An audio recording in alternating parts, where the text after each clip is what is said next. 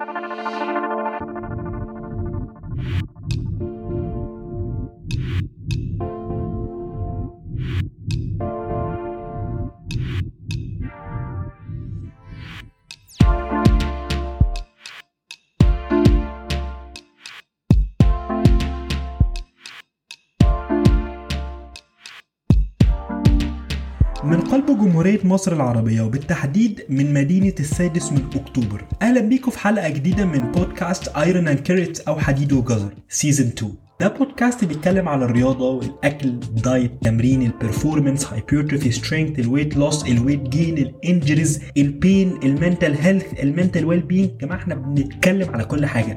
كمية حاجات عشوائية ملهاش أي علاقة كمان بالكلام ده برضه بنتكلم فيها. اللي أكيد إن كل مرة هتلاقوني موجود معاكم أنا أحمد بيومي. يلا بينا.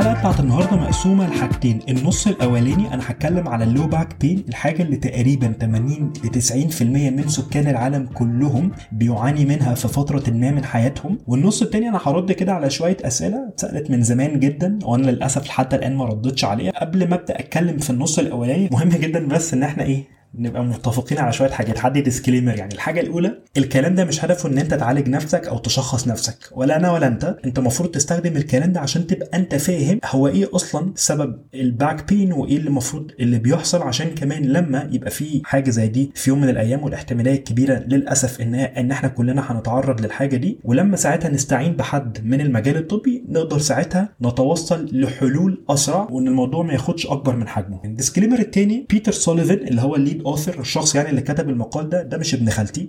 وأنا وهو مش فاتحين سايبر في السابع. أنا ماليش اي مكسب مادي من الكلام اللي أنا هقوله النهارده. أنا مش مستفيد حاجة يعني. عشان بس لو في كلام مش متوافق فكريا مع المجتمع بتاعنا خلينا نتقبل الكلام ده بهدوء يعني من غير أي انفعالات أو حاجة. ما أعتقدش إن حد هينفعل بس برضو إيه التحذير كان واجب. اللي أنا هتكلم فيه باختصار هم 10 نقط وهو ده الكلام اللي كان موجود في ال editorial اللي اتكتب. للأسف هو ال editorial ده مش مفتوح يعني مش open access مش أي حد هيقدر يبص عليه أو يقراه. انت طبعا ممكن تدفع فلوس يعني هو مش غالي يعني لا هو غالي 30 استرليني عشان تقرا يعني ال editorial.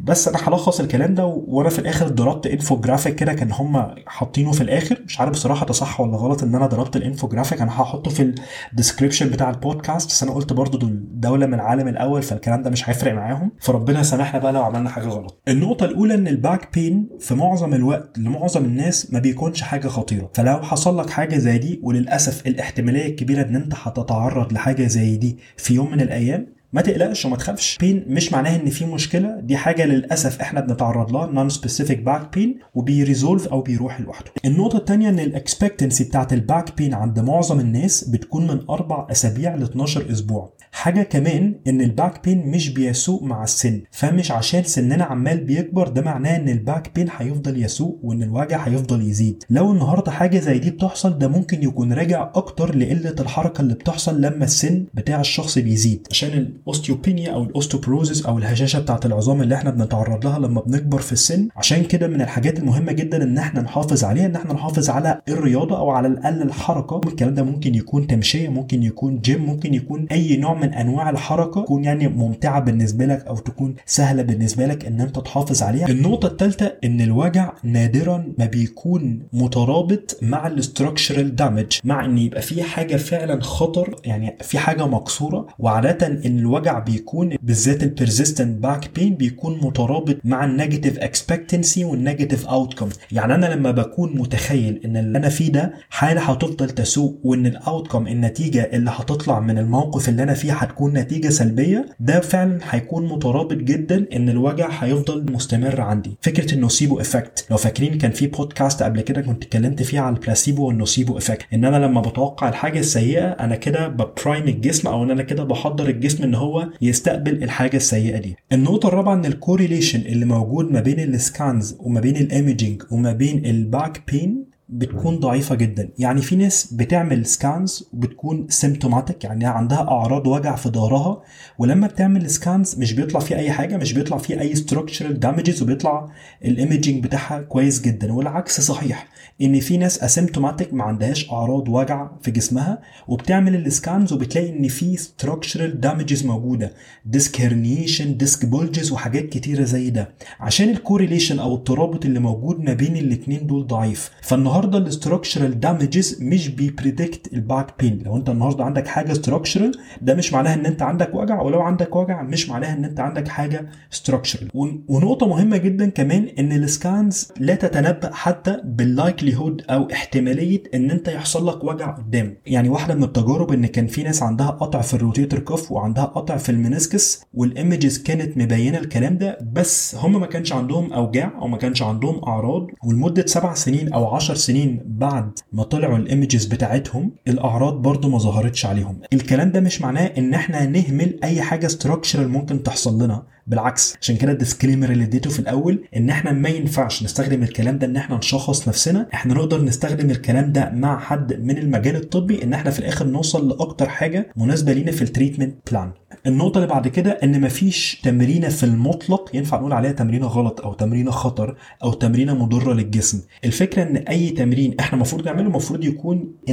gradual format يتعمل يعمل يتعمل تدريجيا. فالنهاردة لو أنا أصلا عمري في حياتي ما عملت dead وبالنسبة لي deadlift و Deadpool الاثنين واحد مش منطقي خالص إن أنا أروح أعمل one rep max deadlift يعني. أنا أنا برمي نفسي في التهلكة. ولكن إن أنا أبدأ إن أنا أتعلم الحركة وبعد كده بالتدريج أبدأ أتحسن فيها وأبدأ أشيل فيها أوزان challenging بالنسبة لي أكتر دي ممكن تكون حاجة مناسبة جدا. النقطة السادسة إن ال posture بتاعت ال spine سواء وأنا قاعد أو وأنا واقف مش مترابطة تماما مع ال low back pain أو وأنا قاعد على الكرسي على المكتب أعتقد ناس كتيرة جدا بتشتغل يعني شغل شغلها من على الكمبيوتر وكده طول ما أنا قاعد إن أنا عمال بتحرك في القعدة بتاعتي. يعني عادي جدا إن أنا أدي السلاوتش الظريفة دي وأدي الأنتخة وأروح لافف ظهري كده وبعد كده أتني طه يعني أتني ظهري وبعد كده أفرده تاني بعد كده ممكن أقوم من مكاني وبعد كده أتحرك.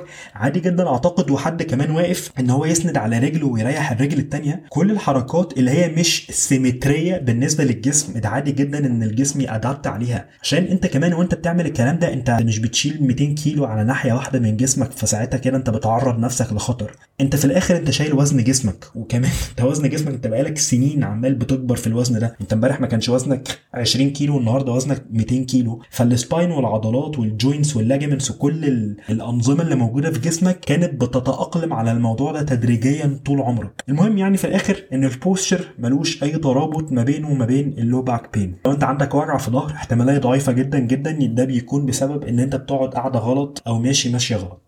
النقطة السابعة ودي نقطة ممكن تكون محوريه جدا. ال core musculature وال core strength مش مترابط تماما مع ال low back pain وكمان أنت ممكن تلاقي إن في حد عنده وجع في ظهره وعنده ال core muscles بتاعته قوية جدا. الكلام ده مش معناه إن مش عشان ال core مش هيساعدنا في في ال low back pain فيولع ال core بقى. ال core هي عضلة core muscles يعني كلها على بعض. عضلة من العضلات اللي زي أي عضلة موجودة في الجسم. ما أعتقدش يعني ان أنت لو لو pursuing أو أنت يعني بتدور على ال optimal strength بتدور على القوة والصحة وشكل جسمك والحاجات دي كلها إن أنت تنفض لجزء كبير جدا من العضلات اللي موجودة. الفكرة كلها بس إن أنت ما تحملش الوجع بتاع ظهرك على إن أنت النهارده عضلات بطنك ضعيفة. النقطة الثامنة إن ال spine بتاع الجسم عادي جدا إن هو يتحرك في أي حتة وبأي شكل، فأنا آسف جدا على اللي هقوله. عادي جدا إن ظهرك يلف مش لازم يكون مفرود وتنزل تشيل الشنطة بتاعتك من على الأرض أو تجيب إزازة مية أو تجيب قلم وقع منك. مش لازم ت brace وتاخد نفس وتعمل أكنك هتشيل بار عليه 200 كيلو من على الأرض. وعادي جدا إن أنت تمسك أكياس بتاعة السوبر ماركت في ناحية واحدة والناحية الثانية ماسك فيها مفاتيح عربيتك أو تليفونك أو مش ماسك فيها أي حاجة. مش مش مهم. الحاجات دي مش هتبقى مؤثرة قوي. الأوزان اللي بنتكلم عليها اللي هي بتاعة الحياة اليومية هي أوزان. بالنسبة لجسمك أعتقد نسبيا هتكون قليلة جدا. أنت مش بتشيل طن من على الأرض أنت بتشيل أكياس أو بتشيل شنطة أو بتشيل حاجة نسبيا ممكن تكون بسيطة بالنسبة لك. بس معظم الناس في معظم الوقت الموضوع مش محتاج كل التخوفات وكل التهويل من الحركة العادية اللي إحنا بنتحرك بيها على مدار اليوم. عشان كده أصلا في كوميك نزلته الأسبوع اللي فات هو كان جايب 70 ألف سنة قبل الميلاد وجايب الشخص اللي كان عمال يبص للناس اللي هي بتعمل الوظائف اليومية بتاعتها. خدوا بالكم من حاجة هو إن هو الناس دول كانت بتعمل الوظائف اليومية بتاعتها ساعة الوقت ده اللي هو بيصطادوا بينطوا مش عارف بي بيجروا ورا حاجة واللي بي بي بيطلع فوق الشجرة. الحاجات دي بالنسبة لهم وظائف يومية زي ما أنت بتصحى من النوم بتقوم من على السرير بتركب العربية بتقعد على المكتب وظائف اليومية بتاعتنا برضو. عشان الحاجات دي إحنا بنتعود عليها أصلا بالتدريج وكل يوم بيبقى عندنا عندنا تعرض لل activity أو للحركة دي فعشان كده الجسم بيبدأ يتعود عليها واحدة واحدة فعشان كده مش محتاجين إن إحنا نبقى متخوفين من الحركة دي. بس لو النهارده أنت في 2021 فكرت بقى إن أنت تعمل زيه وتطلع فوق الشجرة حظ سعيد وأنت بتنزل منها يعني. النقطة التاسعة إن الوجع اللي ممكن يحصل لوحده من غير أي مقدمات من غير أي سبب فجأة بتعمل activity عادية جدا في اليوم ال activity دي ممكن تكون تمرين انت أصلا متعود ان انت تعمله أو حتى حركة عادية صحيت من النوم لقيت ظهرك بيوجعك أو قمت من على الكرسي لقيت ظهرك بيوجعك. الاحتمالية الأكبر الكلام ده ملوش أي علاقة بإن في حاجة structural حصلت جوه جسمك. الاحتمالية الأكبر ده ممكن يكون بسبب ال mood بسبب ال stress الضغط أو بسبب ال general activity إن أنت عملت حاجة لفترة طويلة أو فترة مكررة أنت ما كنتش متعود عليها. عشان كده اتكلمنا على ال gradual exposure أو التعرض التدريجي للتمرين. بس في معظم الوقت لمعظم الناس الموضوع ملوش علاقة بال structural damages النقطة العاشرة ودي آخر حاجة إن النهاردة عشان تقدر توصل ل effective plan تقدر توصل لخطة مناسبة عشان تقدر تتعامل بيها مع الوجع بتاع ظهرك الموضوع بقى سهل إن أنت تعمله وكمان مش مكلف. الحاجة الأولى ال stress إن أنت تبقى بتعرف تتعامل مع الضغط اللي موجود في حياتك. والحاجة اللي بعد كده النوم. وفي الحقيقة أصلا الاتنين مرتبطين جدا ببعض النوم وال stress والحاجة اللي بعد كده الحركة إن أنت لما بتتحرك إن أنت كده بتساعد الجسم إن هو ي heal بغض النظر عن ال mechanism أو عن الطريقة اللي الجسم بيعمل فيها كده بس في معظم الوقت لمعظم الناس النتيجة بتكون إيجابية جدا في ال gradual exposure to training أو إن أنت ترجع تتمرن بشكل تدريجي في جميع الاتجاهات بجميع الأشكال بجميع التمارين. طول ما التمرين بالنسبة لك ممتع وظريف والحاجات دي كلها فاعمل الحاجة اللي بتريحك بس اعملها بشكل تدريجي. والحاجة اللي بعد كده إن أنت ممكن تقدر تدور على ال education تقدر تدور إن أنت تفهم أكتر. ده ممكن يحصل عن طريق إن أنت تستشير الناس الموجودين في المجال الطبي وبره المجال الطبي وكمان تقدر توصل للمصادر أو ال resources زي مثلا ال editorial اللي إحنا بنفرم فيه من أول الحلقة. حاجة زي كده أنت ليك access عليها بغض النظر إن ال access بفلوس يعني بس في حاجات كتيرة جدا أنت ممكن تعملها. فيديوهات على يوتيوب free articles موجودة كتب موجودة. أنت ممكن تخش مثلا على المصادر أنا حاسبها في ال في ال في ال description بتاع البودكاست اللي أنا استخدمتها عشان أحضر الحلقة. لو أنت عايز تقعد تفرق أكتر في ال pain science فالحاجات دي لوحدها ممكن تطمنك إن أنت لما يحصل لك أي حاجة من الحاجات دي على الأقل تعرف تتعامل مع ال negative expectations عشان تطمن نفسك إن ال outcome أو النتيجة اللي هتطلع من اللي أنت فيه ده الاحتمالية الأكبر إن هي هتكون نتيجة إيجابية. كده إحنا خلصنا العشر حاجات اللي هم اتكلموا فيها في المقال ده. أنتوا هتلاقوا ال infograph اللي أنا مقلبه ربنا يسامحنا بقى موجود في ال description بتاع الفيديو. فأنت ممكن تبصوا عليه لو عايزين تقروا أكتر أو عايزين تفكروا نفسكم بالمعلومات اللي إحنا قلناها ده ممكن يكون دايما عندك ممكن تسيبه عندك وتستخدمه ك resource لو اتزنقت في يوم من الأيام وحسيت إن أنت محتاج تطمن نفسك وتفكر نفسك بالحاجات دي فممكن دايما تستخدم المصدر ده. طيب الجزء التاني من البودكاست الفقرة بتاعت ال Q and A في سؤالين عايز أرد عليهم. السؤال الأولاني سألته ملك أورا. ملك كانت بتسأل على ال reps in reserve تسأل هل إحنا فعلا محتاجين نستخدم في التمرين ال reps in reserve ولا من الآخر يعني فكك ونعمل progression في ال volume من أسبوع لأسبوع عن طريق بقى إن إحنا نزود ال reps أو عن طريق نزود الأوزان وخلاص. ومش محتاجين إن إحنا نستخدم ال reps in reserve يعني فين الفايدة بتاعتها؟ هنعمل بيها إيه؟ مش طيب قبل ما أرد على السؤال disclaimer إن أنا وملك أصحاب فده يعني بصراحة مش هيفرق في أي حاجة في إجابتي بس يعني حبيت إن أنا أدي ال disclaimer ده. عايز بس سريعا أشرح ال reps in reserve ال reps in reserve هي طريقة بتستخدم في ال exercise science عشان تقدر تقيس بيها ال intensity بتاعة التمرين. أنت عندك نوعين من ال intensity في التمرين. عندك intensity of load وعندك intensity of effort intensity of load يعني الوزن. كل لما الوزن بيزيد كل لما ال intensity بيزيد. كل لما بتشيل أكتر كل لما حدة التمرين بيزيد. أعتقد يعني دي ما فيهاش افتكاسات دي سهلة يعني. الثانية ال intensity of effort حدة التمرين نفسه. لأن ممكن ال 100 كيلو تكون بالنسبة لي أنا تقيلة بس بالنسبة لحد تاني خفيفة. فممكن تكون بالنسبة لي كحد التمرين هي ظريفة جدا وكويسة جدا. بالنسبة لشخص تاني هي مش مناسبة خالص لأن هي أقل بكتير من الحدة أو من ال intensity اللي هو محتاجها. ال reps in reserve بتظبط الحتة دي. طب هو معناها بقى الحرف إيه؟ انت لما بتخلص ال set اللي أنت عملتها انت كده بتفكر مع نفسك من غير ما تعمل حاجة حرفيا؟ أنت بتفكر بس نظريا. بتقول هو أنا كنت ممكن أقدر أعمل كام عدة كمان؟ أنا عملت ال10 عدات بتوعي اللي كانوا مطلوبين مني. بس أنا كنت ممكن أعمل كمان كام عدة زيادة. فممكن أقول خمس عدات 10 عدات ايا كان. ممكن أقول مثلا لا أنا مش عارف أنا كنت ممكن أعمل كتير جدا. ممكن كان مستحيل أعمل عدة كمان. أنا جبت آخري في المجموعة دي. هي دي بالظبط فكرة ال reps in reserve إن أنت بعد كل مجموعة بتقول أنت كان فاضل لك كام عدة زيادة تقدر تعملها.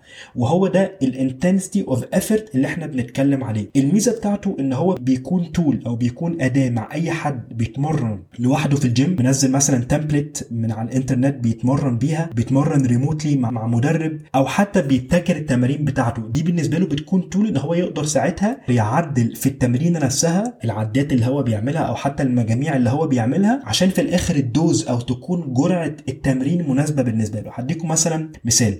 إحنا دلوقتي كنا عمالين نتكلم على ال spinal loading وبنتكلم على ال gradual exposure إن أنت تتعرض للحاجات دي ليها تدريجيا. لو النهارده عندنا حد بقاله فترة كبيرة جدا ما اتمرنش هو كان بيتمرن زمان بس بقاله فترة موقف تمرين وجاي النهارده يرجع للتمرين. لما يكون معاه tool زي ال reps in reserve فمثلا المدرب بتاعه يقول له إن أنت لما تيجي تعمل back squat النهارده في كل مجموعة على الأقل سيب لك من ثلاث عدات لخمس عدات. كده الشخص اللي بيتمرن يقدر يضمن إن ال intensity بتاعت ال back squat ما تكونش مبالغ فيها عشان هو مش معرض أو مش هو مش مهيئ جسمه إن هو يتعرض ل intensity عالية عشان بقاله كتير جدا ما بيتمرنش. حلو جدا إن هو جاي من فترة layoff إن هو يبدأها تدريجيا. فده استخدام واحد لل reps in reserve إن أنت كده بتظبط ال dose بتاعت التمرين لو مش عايز ال dose تكون عنيفة عليك. حاجة تانية إن في أنواع من التمارين ال compound movements في ال main lifts على سبيل المثال ال deadlift ال back squat bench press بالنسبة لناس وبالنسبة لناس تانية لأ. ممكن ال barbell rows ال band rows شوية تمارين كده compound ممكن كمان ال Olympic lifts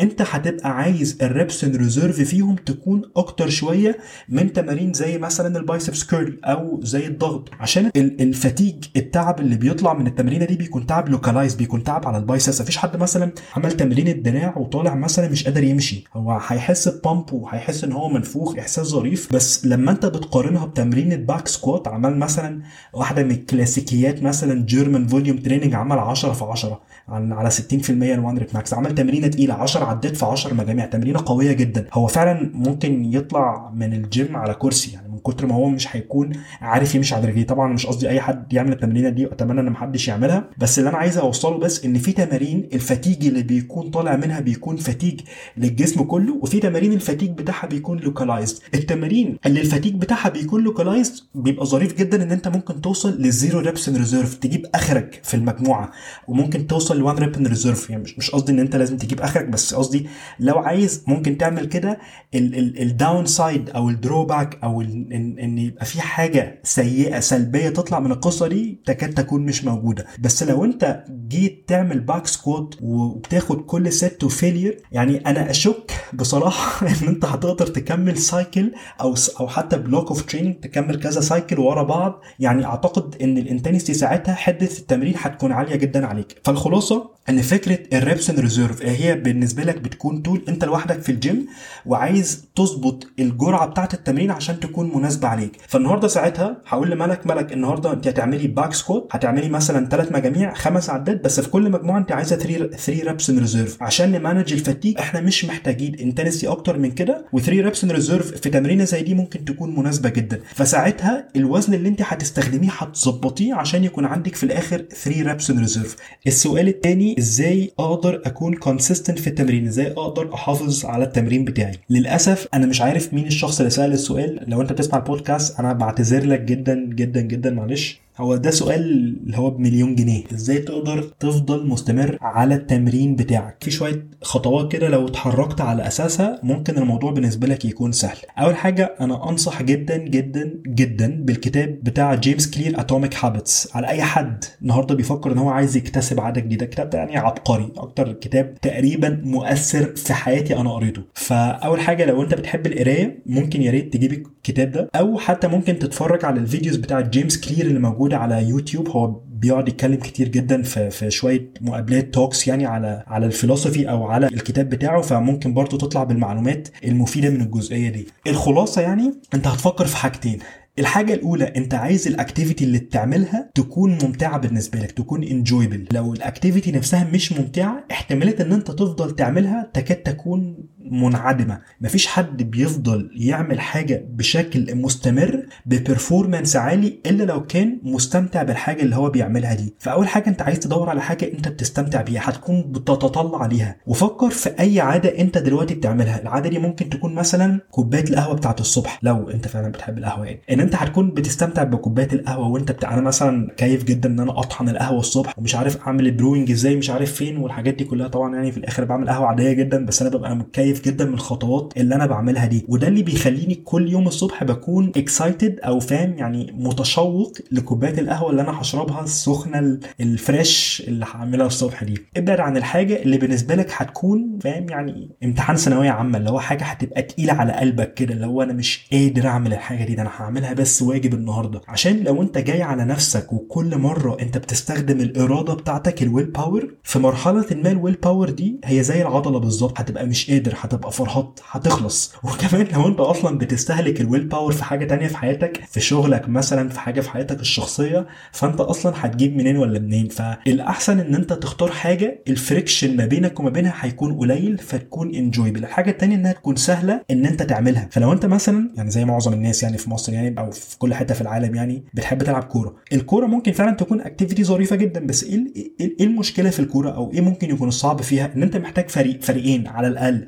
فأنت في تسع جثث غيرك أنت محتاج تظبط معاهم عشان تقدر تعمل الماتش. فالموضوع ممكن ما يكونش يعني logistics أسهل حاجة. بس على سبيل المثال حاجة زي البادل اللي هي دلوقتي بقت منتشرة جدا أنت ممكن تلعب padel وال padel أنت محتاج كام؟ محتاج يعني واحد قدامك أو زي ما معظم الناس بتلعب باثنين واثنين فالموضوع هيكون أسهل بكتير أو إن أنت تروح مثلا حاجة زي ال group exercise أنا بشوف ال group exercise للناس اللي هي لسه بتبدأ تتمرن أو عايزة تحافظ على عاده التمرين فكرة عبقرية. أول حاجة إن الوقت هيكون مش كبير ساعة. الحاجة الثانية إن أنت بيكون معاك ناس حواليك فبيشجعوك. والحاجة اللي بعد كده إن في يعني أماكن كويسة جدا. أنا دايما هكون منحاز ل Be Fit بس أنت هيكون عندك أماكن كتيرة جدا كويسة أنت ممكن تتمرن فيها. فدي برضو ممكن تكون من الحاجات السهلة اللي أنت تعملها اللي كمان تكون ممتعة. ساعتها الموضوع هيكون بالنسبة لك أسهل بكتير إن أنت تحافظ عليه. الحاجة الأخيرة في النقطة دي أنا قلت حاجتين بس هزود حاجة ثالثه كمان. إن أنت تفكر في ال process ما تفكرش في ال outcome ما تفكرش إن أنت عايز تطلع من التمرين بنتيجة. أكيد أكيد مهم إن أنت يكون عندك هدف من التمرين وجول والحاجات دي كلها. بس مهم برضو إن أنت تبقى مستمتع بال process نفسها. إن أنت ال process نفسها بغض النظر عن النتيجة هتعملها. زي زي بالظبط فكرة الكورة. أنت ممكن النهارده تروح تلعب ماتش كورة وأنت عارف إن الفرق اللي قدامك فاهم؟ هتدلعكوا. بس أنت عشان بتحب الكورة وعشان متحمس وعشان اللعبة نفسها ممتعة فأنت ممكن تخش الماتش اللي أنت عارف إن بنسبة 90% أنتوا هتشيلوا قبح بس أنتوا مستعدين إن أنتوا تعملوا كده عشان أنتوا مستمتعين بال process نفسها. هي نفس الفكرة بالظبط. لأن في مرحلة ما أنت أكيد هتكسب. بغض النظر بقى كورة ولا مش كورة بس أكيد في الآخر هتلاقي النتيجة الإيجابية. فأحسن حاجة إن أنت تعملها إن أنت تفكر إن أنت بس عايز تسيطر على ال process إن أنت تشوف حاجة أنت مستمتع بيها حاجة سهل إن أنت تعملها. ال logistics بتاعتها سهلة. ما, تروحش مثلا تبقى أنت ساكن في التجمع وتروح تتمرن في 6 أكتوبر يعني ما اعتقدش ان ده أكتر حاجة تبقى ذكية خالص إن أنت تعملها. وفي نفس الوقت إن أنت تعمل البروسيس من غير ما أنت تكون مركز على النتيجة اللي هتطلع منها في الآخر. أنت بتعملها عشان أنت مستمتع بيها. وكده نكون وصلنا لآخر الحلقة النهارده. أنا اتبسطت جدا بصراحة من الحلقة. أتمنى برضو تكونوا أنتوا اتبسطتوا. لو أنتوا بقى سمعتوها أو اتفرجتوا عليها. في حد عجبته الحلقة أتمنى يكون في حد عجبته الحلقة تبقى كارثة لو في الآخر ولا واحد عجبته الحلقة. بس يعني اللي عجبته الحلقة وعجبته فعلا يا ريت يعمل لها share بس لو ما عجبتكش فكك. أنا لو منك بصراحة بسمع حاجة وما عجبتنيش أنا مستحيل أعمل لها share فاعمل لها share بس لو عجبتك الحلقة.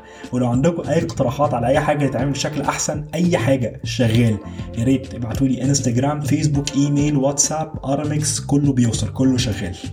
أشوفكم الحلقة اللي جاية.